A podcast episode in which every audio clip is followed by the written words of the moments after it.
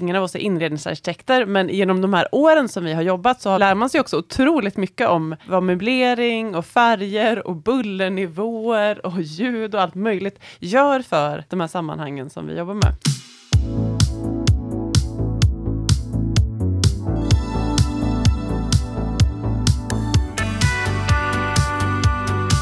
Välkommen till Fika and Friends, en podd om samtal och dåliga möten. Med mig Matilda, Fanny och Christer. Halloj! Hej, du tvekade lite på Matilda. Är det så att Ja. du inte riktigt har checkat in? Nej, men jag, jag kände att jag tvekade lite grann när jag sa en podd om samtal och dåliga möten. Ja, men det är väl Men, ändå, eh, om vi ändå utgår från dåliga möten så ska Ja. vi nog få dem till att bli bra möten. Exakt, Det är väl så vi tänker här. Ja. Vi kommer ju inte grotta ner oss jättemycket i dåliga möten. Nej. Men innan vi eh, kör igång det här poddavsnittet om möblering så vill vi också passa på att säga att musiken i podden är gjord av ingen mindre än Mitch Murder. Ja, precis, och självklart så vill vi börja med att tacka honom för att vi får använda hans musik. Och lite som en sån övergång, liksom, musik är ju en, eh, en sån sak som kan eh, förändra stämningen i ett sammanhang. Och då kommer vi prata just om det idag. Inte specifikt om musik, men musik, möblering och andra sådana saker som påverkar de här eh, workshopparna och Miljön. ja, precis, workshoppar och möten som vi arrangerar och hur gör vi då med, med miljöerna. Precis. Det, ja, men vi kanske ska säga det först också, att ingen, vi är ju, jobbar ju med facilitering och, och sådana saker och ingen av oss är inredningsarkitekter, men genom de här åren som vi har jobbat så lär man sig också otroligt mycket om vad möblering och färger och bullernivåer och ljud och allt möjligt gör för de här sammanhangen som vi jobbar med. Och vad det sänder för signaler också, beroende på vad man använder för typ av rum till vilka olika målgrupper. Det kommer vi prata mer om sen Mm. också. Så vad tänker ni är så här steg ett? Jag, jag ska hålla ett möte eller jag ska hålla en workshop och så, så ska jag vara någonstans och så kanske jag befinner mig på något stort företag där jag jobbar. Vad ska jag tänka på när jag väljer vilken plats vi ska vara på? Har ni något sånt där första tips, något som ni brukar tänka på? Först att det finns utrymme nog. Det beror på om vi ska sitta ner och prata eller om vi ska röra oss. Men att det finns utrymme nog och att det finns fokus i miljön. Vad menar du med fokus? Jo, men om man tänker i ett öppet landskap eh, brukar ju bli, inte bli speciellt bra möten. Så att jag har inte massa spring runt omkring mig, inte massa ljud, andra ljud än det, de ljuden som vi vill ha på mötet eller workshopen. Så att, ja, det, det tänker jag på. Och Mm. att, att det känns, gärna att det finns ljus. Jag tycker ljus är underskattat, att det finns naturligt ljus från fönster. Mm. Vad tänker du? Eh, ja, men jag tänker också, det beror ju såklart helt och hållet på vad det är man ska, man ska hålla för möten. Men eh, en sak är ju också så här, alltså rummets storlek. Ibland kan ju ett rum upplevas också som väldigt stort, om vi ska göra en liten grej. Och hur man liksom kan avgränsa ett stort rum till att göra någonting mindre kring möblering också. Sen har ju vi haft workshoppar i rum där det är en fast möblering, där det liksom inte går att göra någonting. Det är verkligen det värsta rummet som finns tycker jag. Ja, ja, då ska man ha en workshop och sen så sitter alla stolar på, på samma ställe. Precis, och det här var ju en workshop som eh, hölls i en kommunfullmäktigesal. Ni vet, så här, fasta bänkar med små mikrofoner på varje plats och dessutom står det ett namn. Så här, Liberalerna Johan Persson till exempel. Och så kom jag som exempel. deltagare in. Ja, men det var precis, det var ett exempel. Johan Persson var in, inte representant för Liberalerna i den här kommunen. Men, eh, men man kan liksom inte justera någonting. Och då har man ju verkligen någonting som facilitator att bita i, när man ska få folk att på något sätt känna sig att man att man jobbar tillsammans, att man känner sig delaktig så, för hela rummets symbolik säger någonting helt annat. Det handlar mycket mer om det här att sitta och försvara en åsikt kanske, eller sådär. Och det är mycket undermedvetna saker att eh, när man kommer in i det rummet. Det, Ja. Jag antar att jag, jag bara ser det här framför mig Mm. nu. Det är ekpaneler, det är Mm. Mm. tunga stolar, det är de här som säger mikrofon med svanhals. Där. Alltså Mm. det säger någonting. Det sänder en signal till mig som kommer in. Mm. Det blir nog lite mer rakt i ryggen. Ja. Ja, det blir också en ganska tydlig maktstruktur för de här personerna som var i, på den här workshopen. De var i vanliga fall inte i den här salen. Mhm. Så att de hade egentligen inte tillgång till det här rummet heller, utan det här är ju bara där politikerna sitter och där de viktiga besluten tas.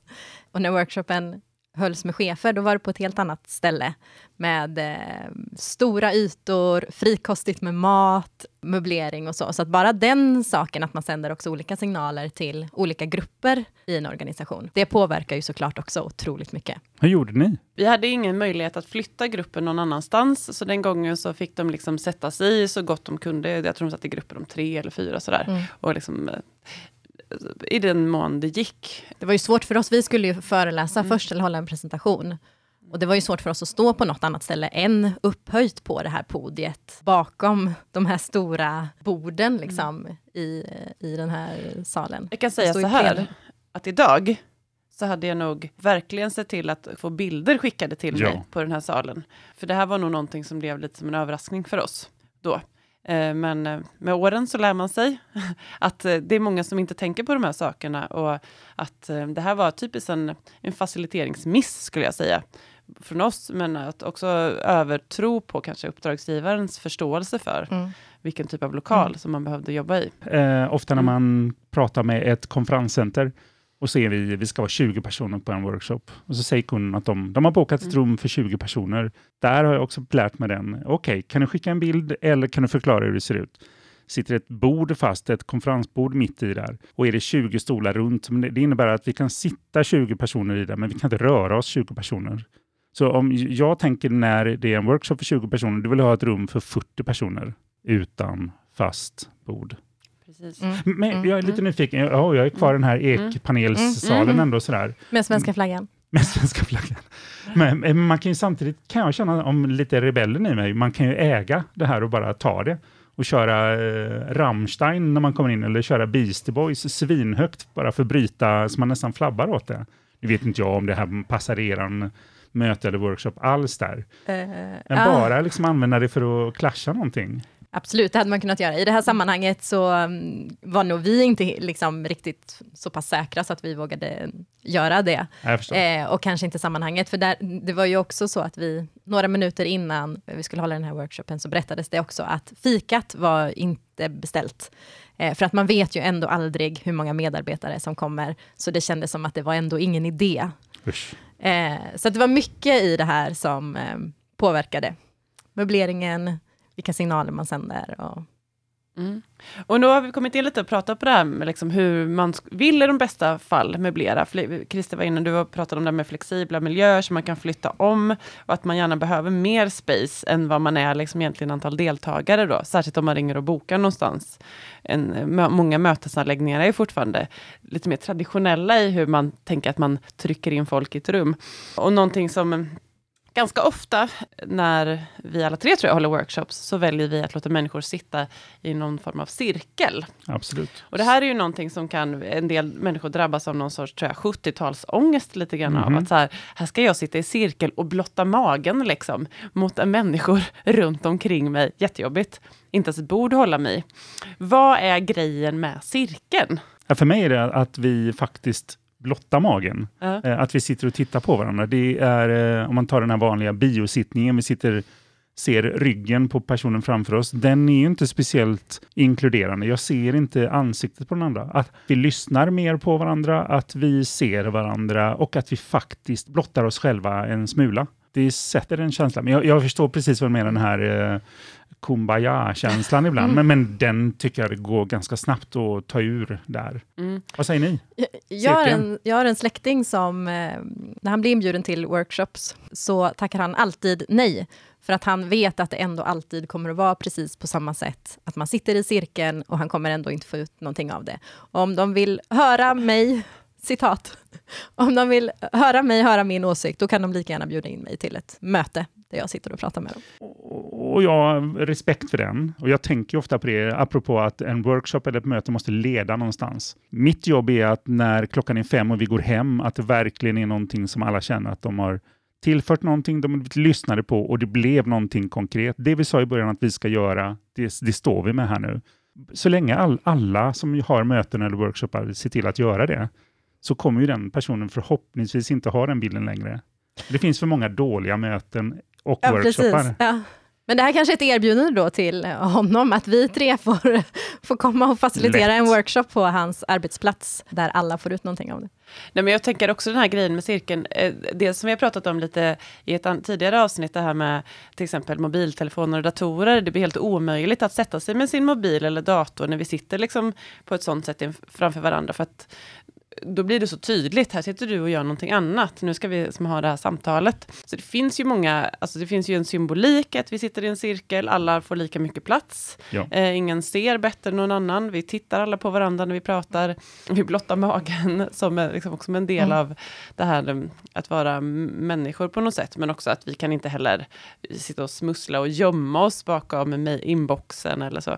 Så att jag tänker, sitta i cirkel är ju någonting som Sen så är ju där i en workshop så sitter man ju sällan i en cirkel i fem timmar, utan det handlar ju om att man börjar Absolut. där Mm. och kanske slutar där. Och sen så bryter man upp och så gör man andra saker. Så att det handlar ju om att förstå liksom dynamiken, dramaturgin under... Mm. Exakt. Och att köra incheckning och utcheckning Exakt. i cirkel, kanske, Ja. som vi har varit inne på tidigare. Ja. Och då, det här kan jag bara säga som en liten, så här, liten eh, reflektion från en workshop jag körde förra veckan, så tänkte jag precis på den här grejen med utcheckning. Och i vissa sammanhang så har jag varit med om det här med att man har ett, apropå fysiska liksom, artefakter i ett rum, att man liksom, den som vill checka ut tar den här bollen eller tar den här eh, vad vet jag, muggen eller vad den kan vara och sen så checkar man ut. Då körde jag en mer så här, vi passar runt liksom i, i cirkeln och så var det de första två, de kände så här, nej jag vet inte riktigt hur jag ska checka ut med den frågan som jag hade ställt då. Och de fick givetvis liksom passa vidare, men precis då tänkte jag, ah, jag kanske skulle haft någon sån här, någon grej istället, för ibland kan det vara skönt. Mm. Mitten av cirkeln står en pryl.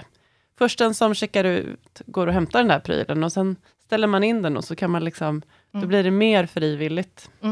Just det. Alla behöver, behöver inte gå varvet runt. Nej, för ibland är man inte redo. Och så får, äh, fick jag ordet först. Det var inte jag riktigt med på. Ja, men den kan jag tycka är lite respektfull, eh, att man, i alla fall på utcheckningen, gör lite popcorn-style. Alltså att vi, när du är redo, vi Mm. kommer, det här är frågan som jag vill att ni reflekterar över och delar med er av, Mm. när du är redo. Mm. Det enda som ställer lite krav på eh, oss som driver workshopen då, det är att hålla reda på, har alla gjort det? Exakt. Ehm, jag brukar ha mina, precis som jag står nu just nu, med eh, händerna i bakfickan och så räknar jag på fingrarna i mina fickor Mm. för att veta eh, om det nu är 20, 22 personer i rummet. Nu är vi på 19, så det är tre stycken kvar. Eller här kommer Mm. lite knep. Så. Mm. För det är sjukt respektlöst. Jag har gjort det jättemånga gånger och säga ja, då har alla checkat ut då och så är det en som jag har missat. Mm. Det är ingen bra avslutning på en workshop. Nej. Vad är en bra avslutning på en workshop då? Jag tycker det är när man har eh, haft en bra stämning. Alla blivit, känner att de blivit hörda och sedda. Vi har uppfyllt det som vi sa på morgonen att vi skulle göra, att det skulle leda fram till. Um, och vi har haft energi och vi har haft kul och gärna en känsla av att vi har kommit längre än jag trodde var möjligt idag. Mm. Det kan jag känna. Mm. Vad känner ni?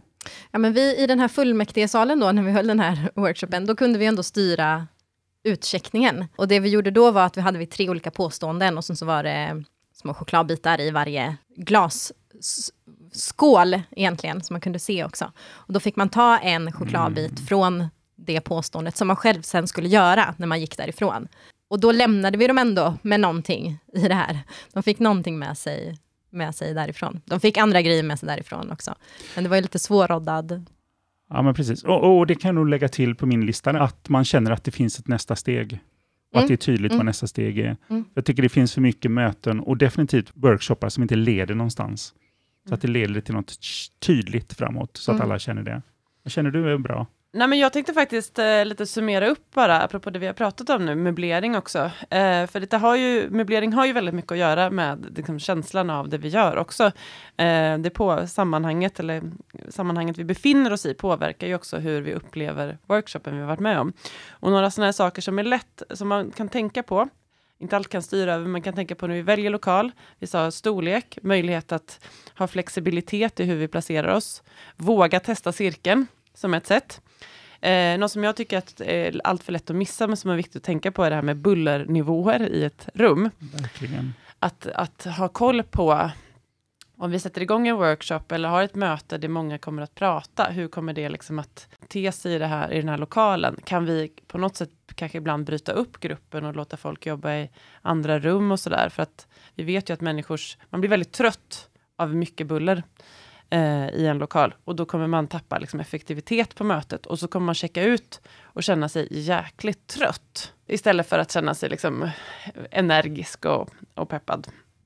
Så, mm. Och sen så har vi eh, det här med, med färger som också är en sån sak som man, du pratade om ljus Christer, men färger i ett rum påverkar ju också. Ibland så kan det vara så där att vi, eh, vi inte har möjlighet att, att, välja hur det ser ut i ett rum. Och, men, men att väldigt starka färger vet man att här, menar, orange och gult och rött, det kan stimulera kreativitet. Men det kan också bli väldigt mycket för vår hjärna att liksom hantera under lång tid. Eh, så att tänka på så sammanhang vi befinner oss i. Hur länge ska vi vara där och hur, hur ser den här miljön ut? Jag funderar också på möblering, att verkligen våga möblera om. Jag är ganska vild med det. Om eh, mina deltagare får en rast och de går ut och hämtar fika någonstans och när de kommer in, att det är, ser lite annorlunda ut när de kommer tillbaka. Mm. Bara testa att vrida runt och sitta mot en annan vägg. Mm. Eller har delat upp det i de här mindre grupperna som du säger. Att det står ett litet bord med tre stolar runt. Eller att vi står upp nästa 20 minuter. Att hela tiden överraska det någonting för att hålla energin uppe. Ja, det är mm. jättebra knep. För att vi har ju annars en tendens liksom att vilja sätta oss på samma stol, vid samma bord, med samma människor. Och, och det, det lättaste sättet att ändra det är ju att ändra i den fysiska miljön, möbleringen. Ja. För då, då, oj, min stol är borta. Här kan inte jag sitta längre. Då måste jag flytta mig till en ny plats. Och jag tänker möblering, om man ska vara riktigt brutal. Mm. Gå ut och ta en promenad. Ja diskutera två och två, men ta en promenad mm. ut. Det är verkligen att mm. möblera om. Mm. Um, för att få ny energi, ny luft i hjärnan och nya tankar. Och man dessutom händer ju någonting när vi rör på oss mm. och pratar. Mm. Så att, ja, det är någonting jag skulle vilja uppmana folk till att göra. Våga. Våga möblera om och våga utmana. Ja. Mm. Sån är jag. Ja, nej men precis. Det händer någonting när vi bryter de eh, normala sammanhangen vi är i. Och det händer no det, det, vi är programmerade, vi förstår ofta, många människor förstår vad som ska hända när de kommer in i ett konferensrum. Men biosittning, då inser man att så här, här ska jag sitta och lyssna. Och ganska snabbt går ju liksom energinivån ner och, och så blir vi väldigt trötta. Om vi inte förstår hur vi ska liksom disponera den tiden genom exempelvis möblering så, så tappar vi jättemycket effektivitet. Mm, verkligen. Så våga göra. Våga göra, mm. absolut. Det är vårt sista tips. Yes! Bra! Vi är i mål. Vi är i mål. Möblering. Ha det gott! Hej! Om du vill läsa mer om det vi har pratat om i dagens avsnitt eller har några tankar får du jättegärna höra av dig till oss. Du hittar våra mejladresser på poddens sajt, weekendfriends.se. Weekend Friends är ett samarbete mellan Radical och And Friends.